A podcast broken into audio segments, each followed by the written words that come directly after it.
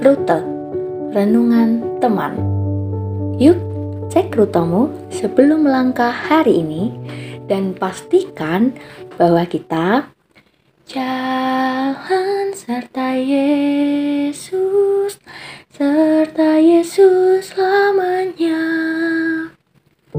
Halo teman, yuk kita dengerin renungan hari ini.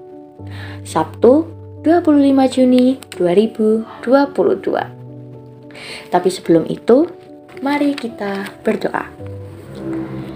Tuhan Yesus, kami anak-anakmu telah siap untuk mendengarkan firman-Mu. Bersabdalah ya Tuhan. Amin. Pembacaan Alkitab pada hari ini terambil dari Efesus 3 ayat 1 sampai 6. Lembaga Alkitab Indonesia memberi judul rahasia panggilan orang-orang bukan Yahudi. Itulah sebabnya aku ini, Paulus, orang yang dipenjarakan karena Kristus Yesus, untuk kamu orang-orang yang tidak mengenal Allah. Memang kamu telah mendengar tentang tugas penyelenggaraan kasih karunia Allah yang dipercayakan kepadaku karena kamu, yaitu Bagaimana rahasianya dinyatakan kepadaku dengan wahyu, seperti yang telah kutulis di atas dengan singkat. Apabila kamu membacanya, kamu dapat mengetahui daripadanya pengertianku akan rahasia Kristus, yang pada zaman angkatan-angkatan dahulu tidak diberitakan kepada anak-anak manusia, tetapi yang sekarang dinyatakan di dalam roh kepada rasul-rasul dan nabi-nabinya yang kudus yaitu bahwa orang-orang bukan Yahudi karena berita Injil turut menjadi ahli-ahli waris dan anggota-anggota tubuh dan peserta dalam janji yang diberikan dalam Kristus Yesus. Demikianlah pembacaan Alkitab. Perenungan dari Sabda Bina Harian Teruna berjudul Tanggung, tanggung Jawab sebagai Ahli Waris. Ketika perang berkecamuk di Korea, banyak anak yang menjadi yatim piatu dan diasuh oleh Palang Merah Internasional. Karena tidak memiliki uang untuk merawat mereka dalam jangka panjang, maka diusahakan mencari orang tua angkat dari Amerika Serikat dan sejumlah negara di Eropa. Untungnya, sejumlah calon orang tua angkat memiliki keteguhan hati untuk melakukannya. Mereka berjanji mengasihi anak-anak Korea itu sebagaimana anak mereka sendiri. Mereka akan mendapat bagian waris yang sama seperti saudaranya yang lain.